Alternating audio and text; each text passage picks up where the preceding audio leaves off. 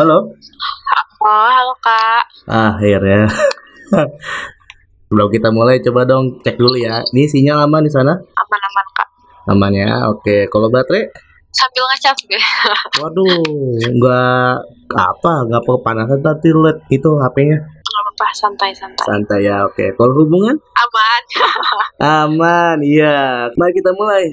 Hai, my name is Bana Benat welcome to this podcast. Mungkin lu sebelumnya belum tahu kali ya karya-karya gua sebelumnya karena juga kita harus kontak juga.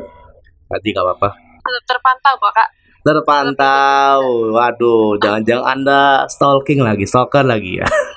Ya dong. Kan Kak Bana suka bikin story gitu. Aku lihat. ya, ngeliat doang kagak dengerin. ya, gua tahu kok lagi sibuk lo. Tenang aja, tenang aja. Iya. Oke, eh, ini sekarang kita berada di podcast Anak Rantau. Coba lu introduce yourself lah ya. Kenalin diri lu, nama lu siapa, umur berapa, kesibukan lu sekarang. Coba dulu introduce yourself. Kalau di tempat dipersilakan. Oke, selamat malam semuanya. Perkenalkan nama gue Salvia. Uh, gue sekarang 23 tahun dan sekarang lagi kerja di Hands Production sebagai project officer event, event project officer gitu sih kak singkatnya Oke, itu di kota mana kalau boleh tahu? di Jakarta. Oke, di Jakarta. Dan ini lu sebagai salah satu perantau juga ya. Dan ini pengalaman perantau lu pertama kali ya buat dapat cuan atau sebelumnya udah pernah? Ke Bandung kuliah ya, kuliah merantau juga. Terus lanjut ke Jakarta merantau gitu. Ceritain dong proses lu akhirnya mendapatkan kerja di Jakarta itu kayak gimana? sebenarnya singkat sih jadi Oktober itu wisuda uh, sambil apply apply juga. Terus cukup tiga bulan aja aku nganggur udah gitu uh, dapat offering kerjaan di sini gitu. Kemarin juga kan aku sempat istirahat dulu kan nggak mau emang nggak mau kerja dulu sih sempat break dulu. Tapi sambil ngapply ngapply sampai aku dapat kerjaan yang aku pikir ya udah deh oke gitu. Sesuai dengan bidangku ya udah kemarin ketemu deh di uh, Hands Production di perusahaanku sekarang gitu sebagai event project officer gitu. Hmm, kata lu kan bilang tiga bulan istirahat. Nah itu istirahat lu itu lu balik ke tempat asal lu apa emang lu standby di Bandung gitu? Standby di Bandung. Buset dah. Keren juga ya. Orang ngekos gak ada tujuan apa-apa, cuman nge tidur bangun tidur bangun ngeplay tiga bulan itu termasuk wow juga ya termasuk Ya kayak. Enggak, lu bayangin aja. Enggak, lu bayangin aja kayak gimana kalau saya skripsian oke lah kalau saya semester tua kan kerjain skripsian ada tuh ada tujuannya buat nge ngekos gitulah. Ini tiga bulan udah kelar wisuda nggak ngapa-ngapain, bulannya masih tetap ba- jalan baik gitu, tetap bayar kosan, bayar listrik gitu-gitu, tetap baik. Enggak. Jadi gue kemarin kan sempat apa sempat uh, break dulu kan tiga bulan itu. Aku kan aku punya ini punya all shop gitu kan. Jadi aku sambil uh, sambil nyari ini sih sambil nyari cuan juga sebenarnya gitu. Tapi buy all shop udah gitu kan. Nah sambil aku uh, cari kerjaan juga. Soal kalau di Lampung itu apa opportunity untuk cari kerjaan itu kan rendah. Maksudnya buat bikin shop pun apa ya peluangnya tuh lebih kecil gitu kan dibandingin aku di uh, Bandung. Makanya kemarin sempat stay dulu. Ya udah deh tiga bulan gitu kan lumayan juga sih Hmm. sebenarnya dari situ dan emang belum pengen terikat sama pekerjaan juga karena apa ya masih pengen break dulu sih masih pengen main-main dulu sebentar gitu kan Iya ya, gue paham. Soalnya Ya gue paham. Maksudnya dalam artian kalau saya ada berapa ada beberapa perantau gitulah. Kan udah kelar nih, udah kelar kuliahnya. So pasti kan balik dulu nih ke tempat daerahnya gitu loh. Setidaknya kan kata lu kan bilang istirahat kan tiga bulan lumayan lah itu. Gitu maksud gua. Enggak sih Enggak ya. kemarin udah Kak, sebelum apa waktu pas pandemi itu kan cukup lama tuh kak kan break juga kak ah, kuliah juga sempat diliburin tiga bulan tuh nah itu menurutku udah udah bosen banget sih di Lampung udah gitu kan sambil ngerian skripsi juga balik ke Bandung ngesan skrip- skripsi udah gitu ya udah deh di Bandung aja udah gitu mikirnya sih sekalian liburan gitu Oh, sekalian liburan. Oke. Berarti pandemi berkedok liburan ya. Eh bukan liburan Iya. berkedok pandemi ya. Sorry kebalik. bukan sambil nyari cuan juga dong tetep Oh gitu ya, oke. Dan BTW lu di tempat yang lu gawe ini udah berapa lama? baru join Januari kemarin sih jadi baru sekitar 11 eh 10 bulan Oh, lumayan lama juga ya 10 bulan ya. Oh. Iya. hmm. Gimana perasaan lu, sensasinya akhirnya lu dapat merantau ke Jakarta untuk merantau dapat cuan untuk pertama kali. Biasanya kalau kuliah minta-minta duit mulu sama emak, sama orang tua gitu. Gimana susahnya? Gue penasaran. sebenarnya kok eh, apa ya senang sebenarnya senang sih karena kan apa kerjaan yang sekarang itu sesuai dengan bidang aku waktu pas kuliah jadi apa ya nggak culture shock banget waktu pas apa waktu pas kerja gitu karena kan sebelumnya juga udah sering freelance freelance juga waktu pas kuliah gitu senang sih seru gitu masuk ke dunia event lagi biarpun ya lumayan hektik lah Oh, berarti emang track lu emang track ya event ya. Bagus lah kalau gitu. Jangan kayak gua, ntar belok awas lu. Soalnya gue sebagai alumni juga nih, kayaknya banyak juga nih rekan-rekan pernah bintasi gue belok-belok semua nih kayak rata-rata nih anjir.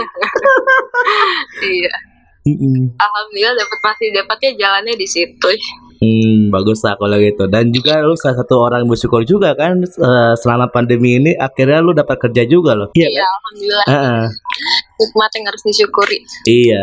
Nah itu tadi gue bilang eh, sensasi yang lu rasakan cuman di emang karena track lu dapat gawe sesuai dengan jurusan yang lu dapat doang. Itu doang, nggak ada sensasi kayak pas tanggal tua lu, aduh ini kalau saya tanggal tua biasanya kalau gua nggak tahu ya kalau saya perencanaan duit lu pas kuliah itu gimana apa mungkin lu dapatnya tanggal muda atau tanggal tua dapat duitnya atau mungkin kalau saya lu perlu baru ditansorin gua nggak tahu kalau saya lu rasakan perbedaannya pas tanggal tua itu gimana? Sebenarnya waktu pas kuliah juga kan aku udah udah nyari duit sendiri tuh dari semester 3 sebenarnya. Jadi apa ya udah financial inde- independent semenjak semester 3 sih sebenarnya. Makanya sampai sekarang. Ah, perbedaannya cuma waktu pas kuliah itu iya kan bener-bener nganderin dari pendapatan sendiri yang apa ya kan all shop gitu kan. Jadi emang pendapatannya nggak menentu gitu. Jadi sebenarnya kalau untuk sistemnya all shop pas kuliah itu emang nggak ada istilah tanggal tua atau tanggal muda gitu sih kak. Jadi lebih kayak ke, ke kinerja aku aja pas aku kuliah tuh eh, gimana gitu jalanin all shopnya gimana apa ngambil apa eh, selingan waktu untuk freelance gitu. Sedangkan kalau kerja itu kan emang beneran sih kerasa ada tanggal tua ada tanggal muda gitu kan tapi kalau di kerjaan sekarang apa alhamdulillah kalau di pekerjaanku sekarang itu alhamdulillah bi- bisa cukup apa ya bisa cukup uh, managing uangnya cu- bisa cukup baik sih. Karena ya cukup lah gitu Hmm, karena udah pengalaman dulu pas kuliah sempat shop juga kayak bingung-bingung juga kan. Tapi btw lu pas kuliah emang bener-bener lu pendapatan lu cuma dari shop doang nggak ada sama sekali nggak apa dari orang tua gitu nggak ada. semenjak semester 3 udah nggak ada lagi sih dari bener-bener dari all shop makanya aku bener-bener fokus banget kuliah sambil shop gitu Hmm, kalau gua tahu alasannya kenapa? Ah, waktu itu sebenarnya cuma coba-coba sih. Kalau aku kan waktu coba-coba aja, iseng-iseng aja tuh. Terus gitu ah, cobain deh jualan di all shop, cobain doang, nggak ada niatan aku buat serius ke situ pada saat itu ya. Terus ah, ternyata waktu pas aku lihat ah, marketnya bagus gitu. Terus apa ya banyak demand orang juga ke aku. Akhirnya banyak apa ya banyak pel- pelanggan yang balik lagi balik lagi gitu. Ya udah deh aku terusin gitu kan. Aku lihat aku terusin gitu. Aku jalanin terus sampai akhirnya ya udah gitu dari situ aja dari yang yang tadinya cuma sedikit satu satu dua orang tiga orang itu jadi banyak gitu sih Paling kayak Hmm, gue juga sempat ngeliat juga sih lu all shop juga tapi gue lupa itu all shop lu bergerak di bidang apa gitu. Lu jual baju ya? Lupa gue. iya betul ya lebih ke fashion gitu sih baju Oh, tapi kalau sekarang masih jualan apa enggak? Karena kecapean. Masih mm, masih. Cuma nggak seaktif waktu pas kuliah dulu. Karena kan kalau sekarang waktunya udah habis sama kerja gitu kan. Udah gitu aku di event yang kayak eventnya pre- pre- belum lagi preparingnya belum lagi mau runningnya gitu. Banyak yang harus dikejar gitu kan di kerjaan yang sekarang jadi Hmm. apa untuk uh, untuk ngurusin all shop yang uh, rutin begitu emang nggak kepegang gitu sama aku Ya, gue kira dalam artian all shop lu sekarang ini udah pindah tangan. Siapa tahu kan ke adik lu atau mungkin ke saudara lu apa gimana gitu. Enggak ya?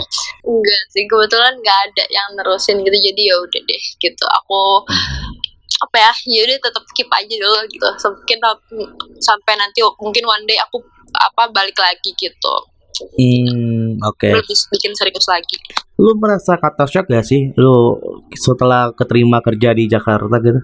culture shock culture shock Bener nggak juga sih, karena dari pas itu kan aku pernah juga sempat magang di Jakarta gitu. Nah, lebihnya aku lebih culture shock waktu pas di awal magang sih. Kalau sekarang itu kebetulan aku ker- kerja itu di daerah Jakarta Timur, which is agak pinggiran gitu kan. Dan waktuku tuh emang bener-bener habis di kantor gitu. Jadi Sabtu Minggu tuh kadang aku bener-bener istirahat kosan atau ya sekedar main-main aja, tapi nggak ngerasain culture shock gitu sih nggak terlalu gitu aku nggak ngerasain gitu sih Oh, nggak ngerasain, tapi lu merasakan nggak hal nggak merasakan. Oke, siap, nggak merasakan ya ya.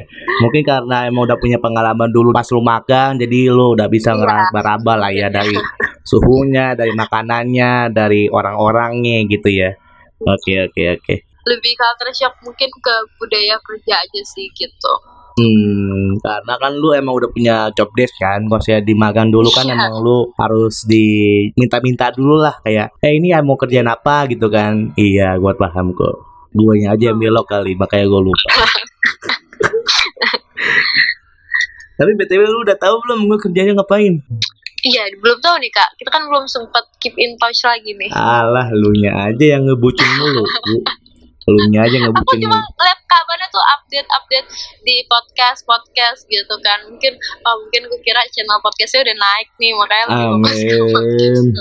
Kalau saya gua boleh tahu nih, kalau kerja di sana itu ada berpengaruh juga nggak sih dalam pandemi itu dalam artian ada pemotongan kerja atau mungkin pemotongan gaji gitu? Lu pernah dengar-dengar gitu nggak? alhamdulillahnya waktu pas waktu pas aku masuk tuh udah mulai beralih ke event virtual gitu kan kak jadi emang aku eh, nggak sempat ngerasain itu sih cuma sebelumnya sebelum aku masuk itu di kantorku emang sempat ada tuh sistem pemotongan setengah gaji ya jadi setengah gaji gitu tapi pas eh, aku masuk itu udah nggak ada lagi sih alhamdulillah jangan sampai. Oke oke. Soalnya gue juga sering lihat tuh di snapgram lu beberapa snapgram bahwa orang tua lu ke sini. Lu beneran bawa orang tua lu apa gimana maksudnya ini? Gue nggak paham. orang tua aku oh, orang tua aku ini main kak main ke main ke Jakarta kemarin gitu Oh, dalam oh, gue kira dalam artian emang udah pindah ke Jakarta gitu loh. Soalnya gue sering lihat kayak Bandung, Jakarta, Bandung, Jakarta. Oke, heeh. enggak agak-agak enggak ya, oke. Emang sering main-main aja, jenuh gitu kan di Lampung. Oh siap, jenuh. Di Lampung panas ya? Apa gimana? ya? Panas. Sebenarnya jarang loh kak main-main gitu. Paling cuma ah, satu semester satu semester sekali karena kan ngikutin adekku adekku SMA gitu liburan apa liburan semesternya gitu ke Bandung atau ke Jakarta gitu sih. Oh, liburan bekedok kangen ya. Iya. Lama-lama nih podcast judulnya kedok-kedok semua deh ini. Heeh. Kedok-kedok-kedok semua. Heeh. Tapi BTW kalau misalnya lu di Jakarta, lu dapat harga kosan berapaan? Kosanku mewah ya kak, mepet sawah. Jadi Waduh. cuma Aduh. ribu. Oke, gua kepikiran mewah, ada AC-nya apa gimana? Oke, mepet sawah, terus gimana? 850 ribu itu uh, standar aja sih pakai kipas angin udah gitu ada dapur dan kamar di luar juga sih Kamar kamar di luar. Jadi lu kamar mandi luar kamar Oh, kamar rumah di luar. kocak nih kamar nih ya Ah, lu nya aja yang nganggap gua kaku. Tapi BTW selama lu gawe di sana, gua nggak tahu tuh 10 bulan Hmm. lu emang beneran fokus buat gawe-gawe gang gawe, lu udah pernah ke mana aja sih? Kayak lu sosialita banget ya, sosialita banget ya. pencitraan IG tuh kak emang Oh, gitu siap. Siap. Emang karena pencitraan IG susah buat ditipu, emang susah. Ah. iya bener. Kalau uh, misalnya keluar kota gitu ya. Keluar kota tuh uh, banyak sih. Palembang terus Medan Danau Toba Solo. Terus mana lagi ya? Bogor. Gak banyak sih kak sebenarnya cuma mungkin karena aku sering bikin story yang berulang-ulang kali gitu ya aku repost repost let post gitu jadi kelihatannya aku sering jalan-jalan gitu padahal enggak gitu Hmm, Ya. tapi least sebulan sekali ya Ya mohon maaf sebelumnya ini gua kasih tahu sama lu doang nih karena kan kita juga lost contact ya. Ya gua bisa ngeliat lu cuman dari IG doang gitu loh. Nah terkadang IG itu merupakan salah satu platform di mana biar tahu gitu perkembangan orang-orang kayak gimana. Walaupun itu kan nggak semuanya gitu loh, cuman sehelai dua helai doang. iya iya Mm-mm, makanya. Oh berarti hitungannya lu kalau saya lu luar kota itu berkedok cuma gawe-gawe dan gawe doang ya? Hmm. betul sekali Oh ya. Kita out of the topic dulu bentar. Kan kul kuliah kan di event juga kan. Lu emang bergelut banget dengan event offline yang conference lah, meeting lah, pameran lah, atau insentif lah. Karena pandemi ini lu harus berkembang dengan virtual gitu loh. Menurut lu betul gimana perasaan lu atau mungkin lu gimana beradaptasi beradaptasinya? kalau untuk itu sih emang agak agak berat sih menurutku karena kan eh, yang kita pelajari waktu pas kuliah itu event offline ya kak dan kita emang bener-bener fokus sama ya crowd ah, dan lain-lain gitu sedangkan di event virtual ini sama sekali nggak ada yang namanya crowd ya kan nggak ada yang Loh, ada apa, kok crowd. registrasi. Itu yang sound effect itu kan crowd juga tuh. Maksudnya crowd uh, people gitu kan, crowd orang gitu, maksudnya nggak ada gitu. Beda sih menurutku gitu. Dan sekarang tuh kan lebih banyak pakai Teamix ya kan, pakai software untuk apa virtual event itu kan. Jadi kita juga emang harus beradaptasi untuk belajar sama berakrab sama si apa software-software ini gitu. Karena mau nggak mau kan emang eventnya sekarang udah berubah gitu dan juga pakai si pakai sistem zoom juga padahal dulu waktu pas kuliah kan kita aku sih sempat nggak sempet nggak nggak sempet sih malah ngerasa pakai zoom gitu eh, ya ada waktu pas bimbingan cuma kan nggak se apa ya nggak se eh, nggak se kompleks waktu pas saat event ya penggunaannya gitu sih Oh.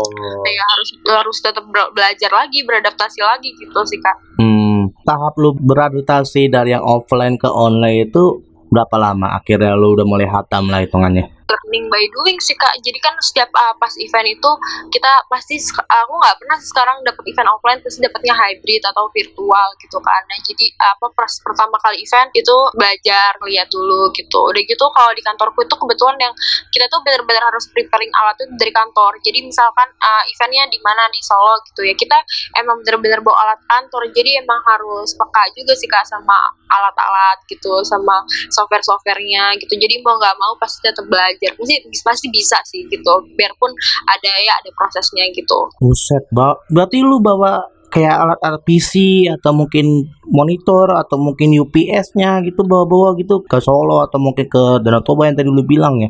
iya betul. Bawa alat-alat gitu. Kalau uh, kalau PC sih enggak ya. Uh, laptop mungkin ya gitu dan itu kan juga ada beberapa tim yang ikut gitu. Jadi kita nggak ya nggak sendirian banget gitu sih kak. Jadi kita tetap bagi-bagi uh, job desk gitu sama teman-teman. Oh, gue kira dalam artian SDM-nya emang kayak PT yang lain itu dalam artian cuman segini gerakin semuanya atau mungkin gerakin cuma Eh, dua bener orang. kak gitu. Iya segitu gerakin semuanya. Hmm, coba lu kasih kesan pesan lah untuk menutup episode pada kali ini. Gimana kesan lu ah, pertama kali merantau untuk dapat cuan di kota lain, pesannya kayak gimana dan sensasinya gimana? Coba lu kasih lah. Waktu tempat dipersilakan.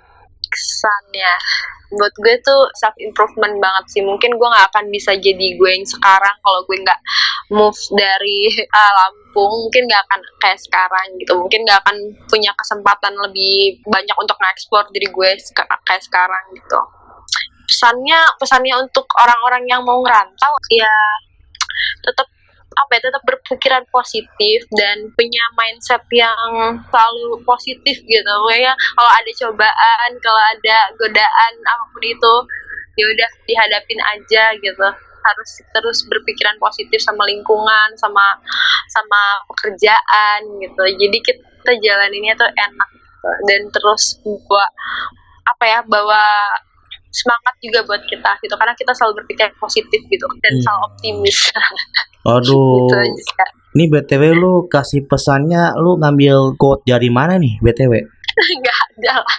Ikut dari gue sendiri kak. Oh gitu ya. Eh, siapa tahu kan lu ngambil quote dari film mana, quote dari buku mana gitu kan. Enggak ada ya. Oh, siap. Bagus lah kalau gitu. Oke, thank you ya Selvia atas waktunya sorry banget nih ganggu waktu lu.